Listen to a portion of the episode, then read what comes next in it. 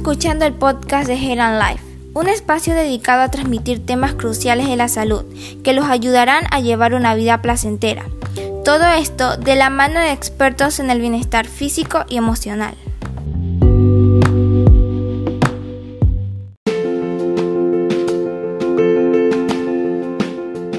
Bienvenidos a todos amigos y amigas.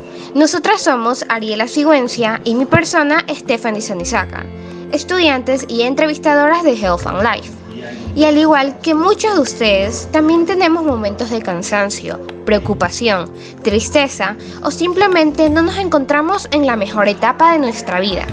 Sin embargo, consideramos que es muy importante saber cómo afrontar estos problemas, dejar atrás lo negativo y tomar en cuenta las cosas positivas, de manera que predomine la tranquilidad en nuestras vidas. Y es por esta razón que el día de hoy hablaremos sobre el valor que tiene el bienestar físico y emocional en la vida de las personas. Para ello, tenemos la ayuda del licenciado en nutrición Eric Sarmiento, quien responderá a algunas interrogantes, las cuales nos darán a conocer la importancia de tener salud física, emocional y todo lo relacionado al tema. Buenas tardes, licenciado Eric. ¿Cómo se encuentra? Buenas tardes. Muy bien, gracias. ¿Y ustedes? Felices de su presencia. Primero que todo, queremos agradecerle que nos haya dado de su tiempo para estar aquí y responder ciertas dudas que existen sobre un tema que es muy común en los tiempos actuales. Comencemos con las preguntas definiría el estado de bienestar físico y emocional? El estado físico es mantener un peso adecuado de acuerdo a su altura, ni, ni, estar en sobrepeso, ni estar en obesidad, ni tampoco estar en bajo peso. Siempre en un peso adecuado para su edad y su altura. Y en la parte emocional, controlar ciertos aspectos de la vida que obviamente en la edad que están ahorita estamos aprendiendo, pero con el tiempo se logra controlar esas emociones. Es esencial que todos sepamos sobre qué abarca el bienestar físico y emocional, ya que como usted mencionó, estos contribuyen de manera imprescindible en el organismo y mente de las personas, y todos debemos ser conscientes de ello. Pero, ¿cuál sería la importancia de gozar de una buena salud física y emocional? Bueno, es muy importante para poder alcanzar nuestras metas y logros con salud más que todo, en el ámbito laboral, en el ámbito estudiantil, de manera satisfactoria. Por eso es correcto mantener una alimentación adecuada, hacer actividad física constantemente, tener también buena comunicación, ya sea con amigos, con familiares, es interesante darse cuenta de cómo influye mucho el bienestar físico y emocional en nuestra vida, tanto laboral como social, y cómo por eso nosotros deberíamos cuidar bien nuestra salud emocional, y sobre todo la física, que es la que causa más efectos negativos en las personas en la actualidad. En tal caso, ¿cómo incidiría el estado físico de una persona en sus emociones? Bueno, a nivel de nutrición, si tienes por ejemplo, bajo peso, estás en nutrición, no comes bien por el asunto del estudio, el asunto del trabajo, no comes bien, el estrés propio del trabajo y la baja alimentación no va a permitir sobrellevar esa situación, sino que va a hacer el problema aún mayor. Por si el estrés aumenta el cansancio, nos quita el sueño, no, incluso nos altera la manera de comer, la manera, algunas personas tienen más hambre, otras personas no tienen tanta hambre, pero es importante siempre comer bien para no agravar el problema de algún mal estado emocional. Es muy cierto lo que usted nos indica, de cómo debemos cuidar nuestro bienestar físico para que este no afecte nuestro bienestar emocional, ya que como usted dijo, debemos ser conscientes de la importancia que tiene nuestra salud emocional y cómo ésta incide en nuestra conducta. Por lo tanto, ¿qué tipo de comportamientos indican la presencia de un malestar emocional? El malestar emocional, bueno, nos podemos sentir irritables, podemos actuar impulsivamente, inclusive algunas veces cuando es más grave, violentamente, podemos golpear a alguien. Nuestras respuestas pueden ser más negativas y básicamente no nos podremos concentrar mucho en lo que estamos haciendo.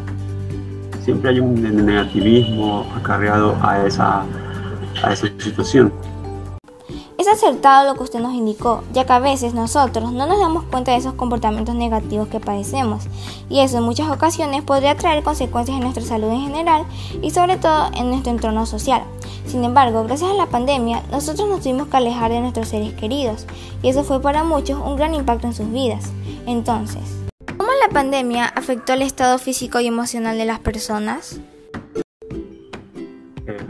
Bueno, el estado físico básicamente mucha gente estuvo sin trabajar, se pasaban encerrados en casa, pasamos mucho tiempo encerrados en casa y más que todo esa falta de trabajo, falta de actividad física que les otorga el trabajo, pudo haberles afectado no solo a subir de peso, a, tener más afecciones, a haber subido el colesterol, el triglicérido, muchas otras afecciones pueden haber pasado durante la pandemia, aparte del propio COVID, que les puede haber afectado de manera física, pero de manera emocional, principalmente eh, el mantenerse mucho tiempo alejado de los seres queridos, el no poder visitarlos, eh, el aislamiento, nos deprime emocionalmente. De cierta manera, siento que todos nos identificamos con lo que acaba de decir, ya que realmente nos afectó estar alejados de nuestros seres queridos y no verlos como comúnmente lo hacíamos. E incluso, como lo menciona, llegamos a sentir depresión. ¿Cómo considera que afectan estas crisis emocionales al bienestar físico de las personas? He escuchado, bueno, he visto lo que es eh, la depresión. Hay algunas personas que la depresión los hace, los hace tener ansiedad, los hace tener irritabilidad. Hay unas personas que comen de más con la depresión, que comen bastante y suben de peso a, causa de ello, y otras personas que no. Otras personas no tienen hambre, incluso pueden llegar a la, a, la bulimia, a, ese estado de nutrición muy grave. Estas situaciones que nos menciona, como es el caso de la bulimia, son realmente serias de tratar. ¿Qué le recomendaría a las personas que sufren de problemas emocionales? Desde el punto de vista nutricional, les diría que hay, hay, hay bastantes estudios que indican que las proteínas animales tienen un gran aporte de una sustancia, un aminoácido que se llama triptófano. El triptófano es un precursor de la serotonina, que es la hormona de la felicidad. Nos mantiene con un mejor estado de ánimo, ya que esa hormona regula bastante nuestras emociones. Si consumimos baja cantidad de proteína, que es donde mayormente se encuentra el triptófano, pues van a bajar los niveles de serotonina y nos vamos a sentir aún peor de lo que ya estamos por esa falta de serotonina en el cuerpo. Eh, ese aminoácido es muy importante para nosotros, para nuestro control emocional. Actualmente se ha estudiado bastante y encuentra bastante en los lácteos, yogures, leches, quesos, en lo que es las carnes, carne roja, este, pescado, pollo, pavo, cerdo, todo eso tiene esta sustancia que nos puede ayudar a controlar bastante los estados de ánimo. En base a lo que nos indica, consumir proteínas es muy importante para nuestro bienestar emocional.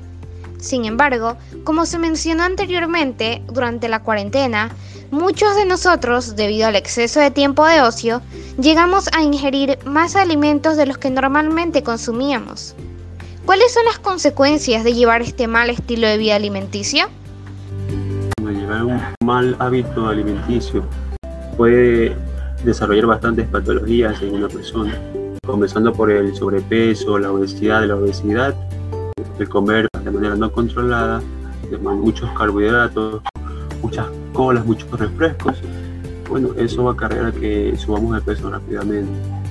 Ese, ese aumento de peso con el tiempo va a generar ciertas enfermedades como lo que son las diabetes, eh, colesterol elevado, triglicéridos elevados, van a acercarnos mucho más al riesgo de padecer algún infarto y algún accidente cerebrovascular. Es decir, debemos procurar comer balanceadamente para evitar padecer cualquier enfermedad. ¿Qué tipo de alimentos se recomendaría añadir a la dieta diaria para mantener una buena salud física? Bien, para mantener una buena salud física es importante la variación de, de los alimentos. Básicamente, eh, al plato nunca debe faltarle las verduras, los vegetales, las frutas y proteínas, como decir las carnes. Casi no consumimos muchas carnes y es lo que más necesitamos. Los ecuatorianos tienen un déficit de proteína bastante grande y aparte el, aporte de fibra también es deficiente en el, en el ecuatoriano promedio. La fibra lo aportan, como les digo, las verduras y los vegetales y la proteína, la mayor cantidad de carnes, la mayor cantidad de lácteos, en lo que es las grasas. Las grasas es importante no consumir, comúnmente consumimos muchas frituras. El aceite de cocina es perjudicial para el organismo si se consume demasiado frecuente. Eh, las grasas animales, las grasas de los, eh, del cerdo, las grasas del pavo, las grasas del, del pollo, todas las frituras, si se consume muy frecuentemente va a hacernos daño, va a provocar aumento de colesterol, triglicéridos y nos va a afectar a la salud. Por eso eh, ¿qué es mejor opción? Una mejor opción para consumir son los grasas saludables, las que están en el aguacate, el aceite de oliva, eh, los frutos secos también, la almendra, las nueces, el maní, son fuentes de grasas saludables. Con esta pregunta hemos finalizado la entrevista, pero antes de despedirnos queremos recordarles que como lo hemos escuchado, el estado de bienestar abarca un cuerpo sano, una mente sana y un espíritu tranquilo. Es por ello que debemos procurar analizar cómo nos encontramos en estos momentos, preguntarnos a nosotros mismos si realmente gozamos de bienestar físico y emocional en nuestras vidas, y en base a la respuesta que obtengamos, poner en práctica las recomendaciones recibidas el día de hoy. Muchísimas gracias a todos por escucharnos y al licenciado Eric por acompañarnos. Esperamos que el tema socializado les haya gustado y que sobre todo contribuya a una mejora en el desarrollo de sus vidas. Les mandamos un abrazo a la distancia y nos vemos en el siguiente podcast.